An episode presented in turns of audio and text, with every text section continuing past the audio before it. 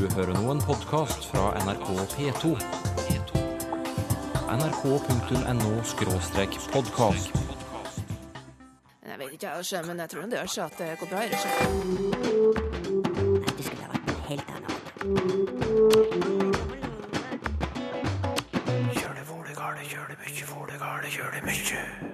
Dameblader og manneblader har hver sin språkstil.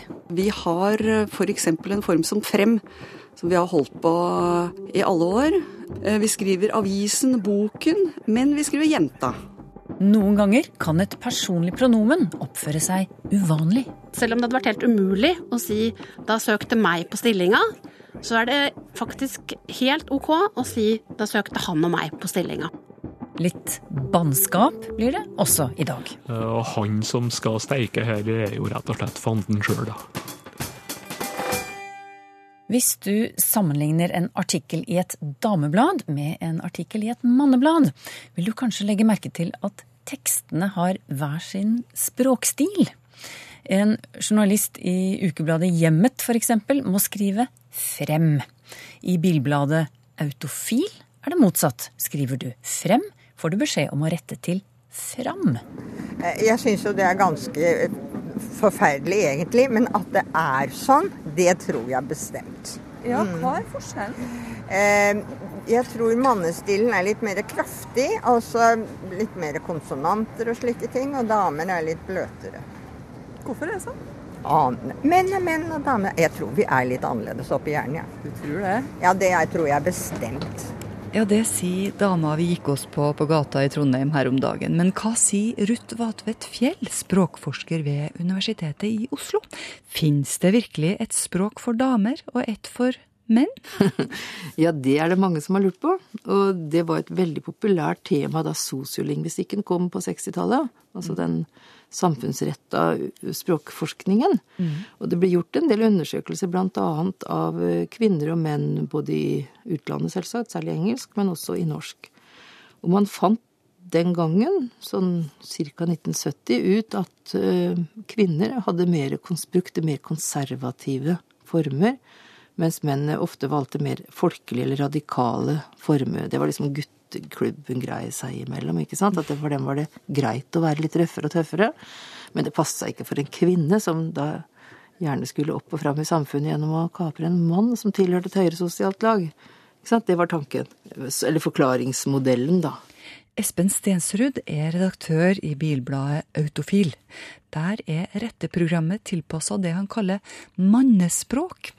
I Autofil vil de ha a-endinger, flere adjektiver, større bokstaver, kraftigere uttrykk. Eh, Vi vil gjerne formidle mer en opplevelse av en bil. Eh, Få leseren litt mer ut på en reise med et språk som er retta mer mot eh, mer mot menn. Også. Vi ønsker å beskrive gleden og opplevelsen. Språket vårt sånn sett er, er ofte ganske levende. Lekent, med mye adjektivbruk, gjerne. Så hvis du er journalist i Autofil og skriver Katten og Natten, så blir du retta til Katta og Natta. Ved å ha et mer eh, direkte og muntlig språk, så signaliserer du at du er en mann, sier Espen Stensrud. Lise Hansen er redaktør i ukebladet Hjemmet. Hun kjenner godt til de ulike stilene i dame- og manneblader. Og det ser jeg nok i, når jeg leser et av Egmont-bladene, Norges største manneblad, som er Vi Menn, så ser jeg akkurat den stilen i noen av artiklene. Har du noe eksempel, eller? Ja, da har de i siste nummer eh, et, eh, en artikkel om noe de kaller gjørmeslaget. Er, det er bilslepp på Rena. Og der er det de store gutter, da, som, eh, som er ute i skogen med sånne svære monsterdoninger. Og der, i den artikkelen, så, så kommer det folkelige språket fram. Der sier de at eh, gutta leiker seg, og de er ute i tjukkeste skauen, og det er rølpete, og det er moro, og det er, eh, det er veldig tøft. Men altså, Autofil retter seg også mot menn, sier redaktøren. Derfor så leker de med språket, og på den måten formidler de opplevelser. Men skulle ikke kvinnfolk òg ville være med på ei sånn reise? Hvorfor er ikke damebladene mer dristig i språket? Jeg, jeg oppfatter gjerne sånn generelt at de er, det er litt, litt snillere. Litt, litt grann snillere. Litt, litt redd for å være såre noen eller støte fra seg noen eller, eller noe sånt. da. Kanskje vi er inne på litt sånn følelsesområde. Jeg veit ikke. Uh, hjemmet har lagt seg på en stil som uh, vel kan kalles Aftenposten-stilen. det er et moderat bokmål.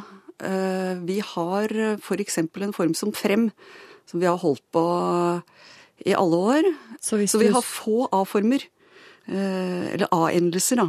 Mm. Vi skriver avisen, boken, men vi skriver jenta. Men hvorfor skal det være et mer konservativt språk i, i hjemmet enn de her mannebladene? Det er blader hvor du kommer veldig nær inn på intervjuobjektet, uh, som kanskje står frem med, med, sorger og tunge ting de har vært igjennom. Uh, vi har nok opplevd at det krever en nøytral, ganske sånn uh, allmenn språkform, som ikke tar fokus vekk fra det intervjuobjektet forteller, og som, eh, som gir hele bladet en, en, sånn, en, rolig og verdig tone, hvis jeg kan, kan si det sånn. Og det syns vi nok at et, eh, et mer eh, formelt språk, da, eh, gjør på en bedre måte enn et som er veldig muntlig preget, som vi kan eh, se i enkelte av, av mannebladene. Hva ser eh, språkforskeren Ruth når hun nå leser dameblader i 2013? Nei, ikke, nå er ikke jeg noen veldig frekvent eh, leser av ukeblad, men det hender jo jeg kjøper meg det og kikker litt, og det er mye fine bilder og mye fine matoppskrifter og alt mulig. Eh, men jeg ser jo at språket der er maken til det som vi hadde på 50-tallet, altså. Klart at ordforrådet og temaene vil vel i hvert fall så lenge vi har skille på manns- og kvinneblader, så vil jo det være forskjellig. Men at selve det ortografiske, altså rettskrivinga og bøyningssystemet skal være forskjellig, det er jo helt merkelig. Ukebladene kunne kanskje åpne opp litt for det å være foregangskvinner litt for unge jenter der, istedenfor å, å holde seg til de gamle normene. Den ballen spiller vi videre til Lisa Hansen, redaktør i Hjemmet. Gjør det. Ja. uh, dristighet for jenter finner vi nok i de eh, bladene for yngre kvinner. Mm. Vi har jo blader som Det Nye i Egmont, og vi har eh, Kamille, som, eh, som, er litt midt imellom eh, hjemmespråket og, og, de litt mer radikale variantene. Så, så, det er absolutt sånn at eh, kvinner også utfordrer hverandre, men det er nok helst de yngre som gjør det. Vi, eh, vi store, tunge familiebladene har litt eldre lesegrupper. Gjør de det fordi de er yngre, eller gjør de det fordi det er en ny generasjon, tror du? Tar de med seg det her videre i livet? Jeg tror nok at de kommer til å fortsette å være litt eh, mer rampete enn eh, vi som er født på 50-60-tallet. ja, i dag bestiller altså Egmont, som mellom annet utgir Hjemme og Vi menn, tre forskjellige språkstiler på retteprogrammet sitt Tansa. Men eh, kanskje kan de greie seg med ett i framtida, for eh, det her at damebladene har et mer konservativt språk. Det har jo da sammenheng med at kvinnen kunne risikere å støte en aktuell forsørger fra seg med et radikalt og, skal vi si, mandig språk. Skal vi tro på forskninga?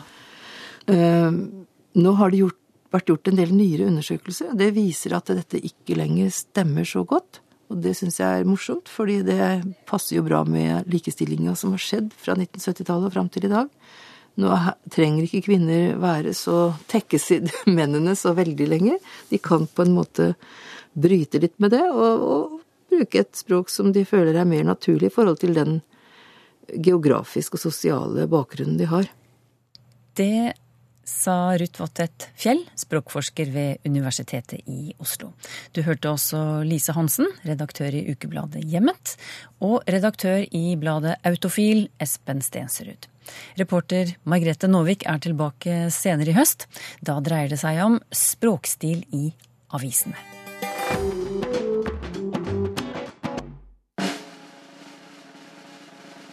Og nå grammatikk. Nettopp. Og her har jeg noen eksempler. De er fra en stor dialektsamling der folk over hele landet har blitt intervjuet i opptak. Så kan du prøve å gjette hva vi skal snakke om etterpå. Skjerp ørene, her kommer det. Og, og da søkte både han og meg på stillinger på skolen der. Vi delte søstera mi og meg da foreldrene våre døde, da. så Mhm. jeg har det huset. Vi var nede der en gang i sommer, Vigdis og meg. Ja. bare, bare du og meg. Bare du og meg. Noen vil mene at dette er feil, at det burde være bare du og jeg. Men at jeg kan bli til meg i slike setninger, det er faktisk et grammatisk trekk som vi finner over hele verden. Og det var du som oppdaget det, språkprofessor Janne Bonde Johannessen ved Universitetet i Oslo. La oss ta dette litt systematisk.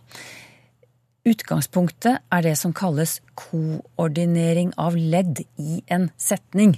Hva betyr det? Ja, eh, koordinering det er at eh, man sideordner ett ledd, sånn at man får flere ledd eh, som i en viss forstand er på samme nivå i setningen. Da.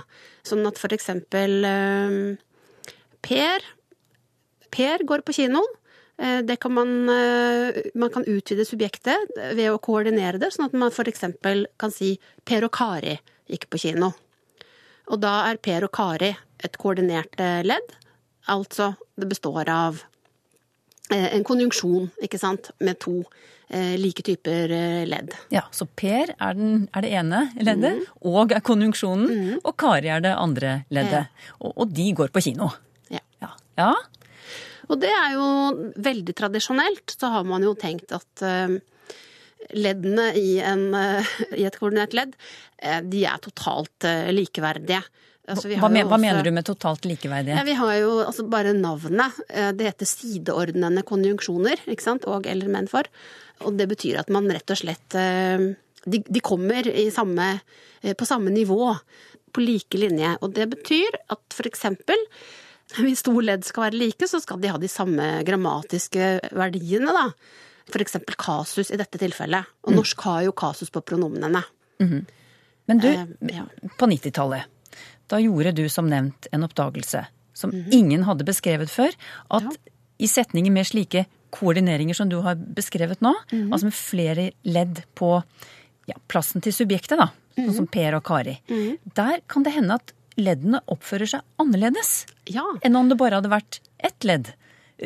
Forklar på en måte så vi forstår det alle sammen, for jeg kjenner at det her er litt på grensen av Jeg klarer så vidt å holde fast ved det. Ja. Det er litt vanskelig. Jeg tror at eh, kanskje hvis jeg kan få lov å begynne med å, eh, at vi går tilbake til altså, eksemplene. Ja.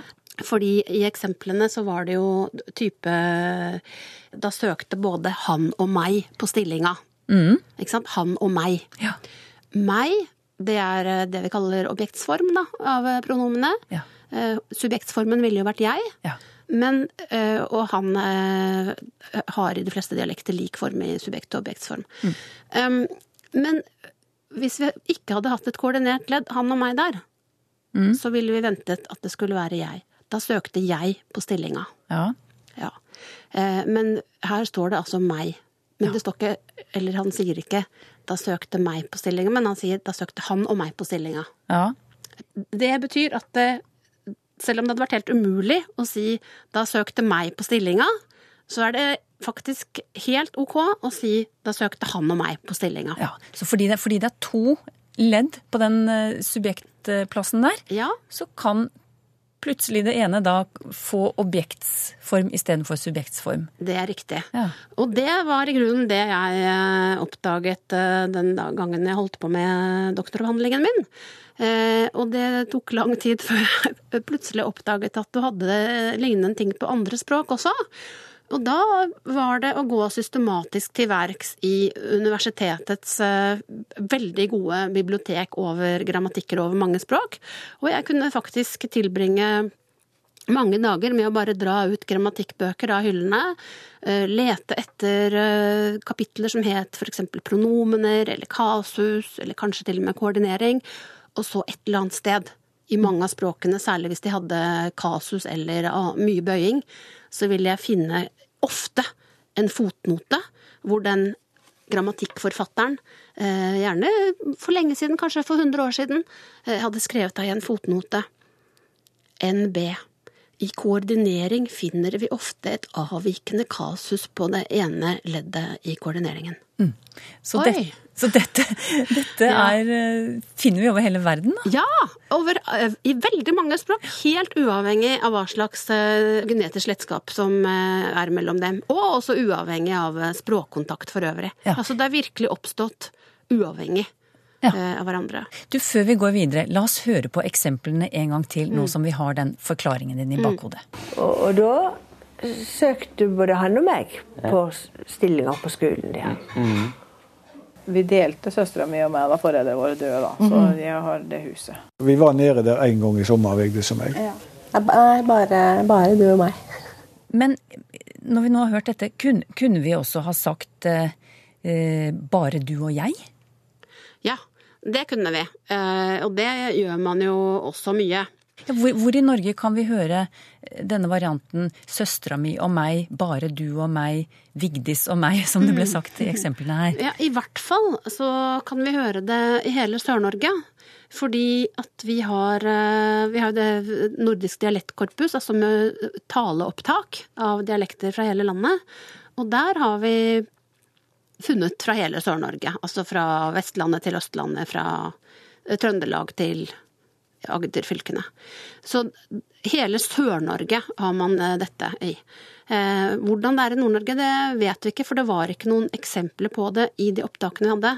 Mm. Og da betyr det at det, ja, kanskje, kanskje man kan gjøre det i Nord-Norge også, men vi bare har det tilfeldigvis ikke i Mm. opptakene. Eller kanskje det betyr at det, i Nord-Norge er det annerledes. Mm. Ja. Du, du, dette, vi har snakket, dette vi har snakket om nå, det syns du var så morsomt at du faktisk skrev en doktorgradsavhandling Ja. om det. Hva er det som fascinerer deg ved, ved det vi har eh, snakket om nå? Altså, det er jo utrolig fascinerende, eh, og det oppdager jo vi språkforskere hele tiden. I motsetning, eh, får jeg lov å si, da, til folk flest. At det som ofte oppfattes som feil og en logisk brist, eh, når man ser det i sammenheng, så ser man at det er akkurat veldig systematisk, og det er sånn som det nesten burde være. Og i dette tilfellet har jo jeg undersøkt eh, veldig mange språk. Altså som sagt eh, egentlig over hele jorda. Og da fant jeg jo at det var, det var større eh, systematikk enn bare det at eh, mange språk eh, hadde dette fenomenet. Eh, Det som nemlig mm, også har vist seg, er at dette fenomenet, det sammenfaller eh, variasjonen i det sammenfaller med en annen variasjon i språkene, nemlig om de er type objekt foran verb-språk, eller verb foran objektspråk. Faktisk så er det sånn at det norske er jo et typisk eh, verb foran objektspråk, sånn at det vanlige er å si Per så kua, så kua. Eh, Og i noen språk så vil du si Per kua så. Eh, Og det faktisk viser seg at det, det leddet som avviker, sånn som vi hadde i stad med Per og meg gikk på kino, så er det på norsk typisk det andre leddet som er eh, det som er, eh, skal vi si, avvikende, da. Det som er litt overraskende. Eh, Og det stemmer overens med at objektet kommer etter verbet. Og det, sånn er det, altså systematisk i veldig mange språk. Mens de språkene hvor objektet kommer foran verbet, så vil også den avvikende formen i, den i det koordinerte leddet være det første. Sånn at faktisk rekkefølgen her korrelerer, avhengig av hvilken språktype du har, da. Det er veldig spennende. Ja, det er spennende å gå på oppdagelsesferd i språkene, slik språkprofessor Janne Bondi Johannessen gjør. Det blir visst litt bannskap i lytterspalten vår i dag, så er sarte sjeler advart. Men vi begynner snilt og ufarlig, Tor Erik Gjenstad. Sissel M. Berg etterlyser opprinnelsen til ordet læne, som i alle fall er et typisk trondheimsuttrykk og betyr morsomt. Ja, det gjør jo det. eh, At det er læne, eller også at det er lænt, sier de jo, trondhjemmerne. Og eh, det kan eh, ha oppstått som en uttalevariant på Linn. i betydning mild og spak, som en del plasser er uttala iallfall len. Og det kan være en variant på det som du har i norrønt linner med kort førstestavel, så det kan fort bli til, til læn, eller len. Så jeg tror jeg ligger der. Og uh, læne, det er jo da utviding til det igjen, uh, med et adjektivsuffiks. Så, men iallfall helt spesielt for trondhjemsmål, det her, og, og litt slengprega trondhjemmer. Og, og det lever den dag i dag. Så er det Helge Lyngmo som skriver at i nord har de noen ord han ikke har klart å finne ut hvor stammer fra. Blant annet nevner han uttrykket 'han steike' eller 'han steiki', som brukes når man skal understreke noe eller når man har hørt noe sensasjonelt. Han kan ikke si at det har noe med steking å gjøre, skriver han, men det har vel et opphav? Ja, ja det, det, har nok det. Og, og, han som skal steike her, er jo rett og slett fanden sjøl, da. Og det er jo vanlig å bruke verb du kan bruke mest av hva som helst slags verb i sånne sammenhenger. Det kan være både steike og koke og hakke og skjære, og, og mer tydelig blir det hvis du, hvis du sier da faen steike, eller slik, da kommer det jo klart fram. Og det er jo et ønske bak her, altså. Måtte faen steike det i helvete. Det er jo det som er det bokstavelige her, uten at det kanskje tenker så mye på det da, når det slipper ut seg et slikt kraftuttrykk, men det er faktisk gamle konjunktiver av verbet. Og, og et ønske, da. Så, og, og, både steike og koke det passer vel på en sånn varm plass, da, som en kanskje tenker på spesielt her. Men hva verb som helst nesten kan brukes til til og med galvanisere, har jeg hørt bruka i kraftuttrykk. Mm. altså, Så det er alle muligheter her. Men steike er jo vanlig og typisk, da. Mm. Et spørsmål til fra Helge Lyngmo. Når vi ikke gidder å gjøre noe, sier vi gjerne æ isht, ikke dra på tur i dag. Og noen steder i Nord-Norge har han hørt ist, der altså r-en er kuttet ut. Hva er det for noe? Ja, det er sammendraginga hele veien her av et uh, verb som, et refleksivt verb som heter for å iast, eller idast, skrives det da. Og det er jo ofte sammentrekk til ist. Og r-en som er kommet inn her, det må jo uh, være sekundært. Uh, det det betyr, det er rett og slett å gidde eller å ha tiltak til. Og det er jo laga til ordet id som kanskje en del kjenner, iallfall for kryssord. Og det betyr jo strev og trått og iver. Så det er verblaging til det, altså. Jostein Lorås på Nesna trekker fram et gammelt uttrykk fra Helgeland, grepes ved, som har med ljåslåtten å gjøre.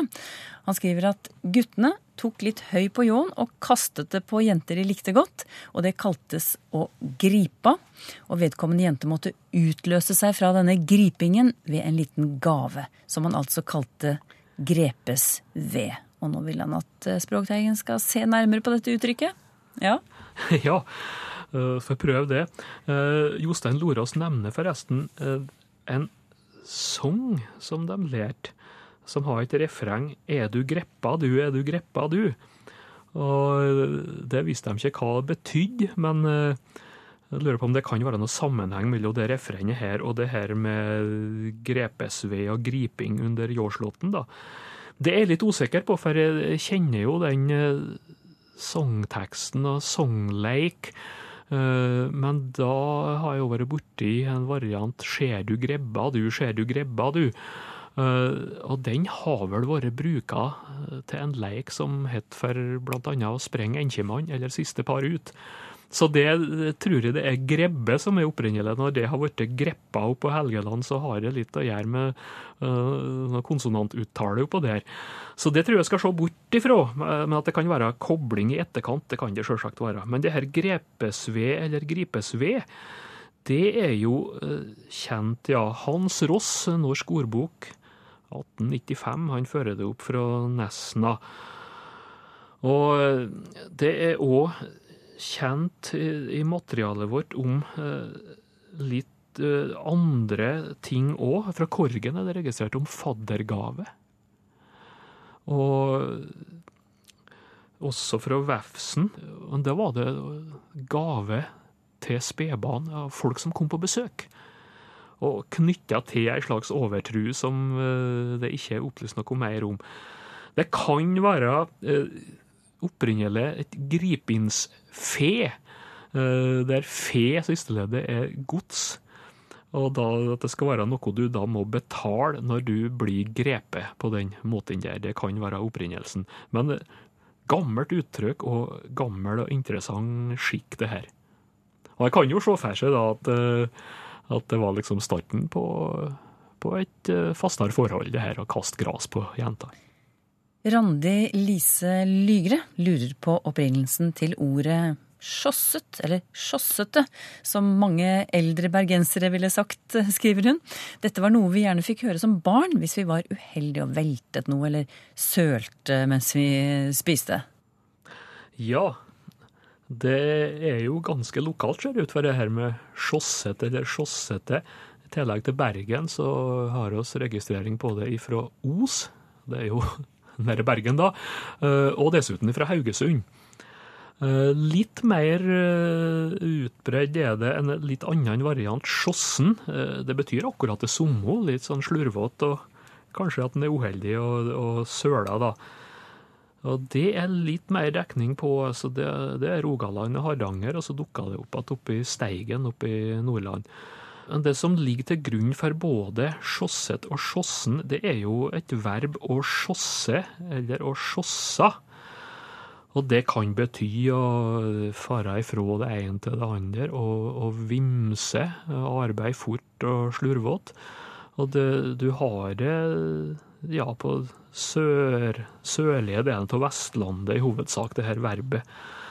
Og hva som ligger bak det igjen, det er litt mer usikkert, men du har et adjektiv skjot, som betyr rask og hurtig, og som henger sammen med å skyte. Så om du skal dra det så mange ledd attover, det, det kan hende, altså. Men det, det har med at det går litt fort og litt uvøre, så ytterst kanskje sammenheng med å skyte. Har du spørsmål til Språkteigen, skriv til teigen krøllalfa nrk.no. Eller du kan skrive til Språkteigen, NRK P2, 7005 Trondheim. Du finner oss òg på Twitter og på Facebook. Og vi mener at det er behov for mer penger, fordi kø koster. Altså, Jeg reagerer på det ordet kø. Nei, det er ikke alltid politikerne er enige i hverandres eh, ordbruk. For Fremskrittspartiet så er egenandeler skatt på sykdom. Om politikerspråk i Språkteigens valgsending neste uke.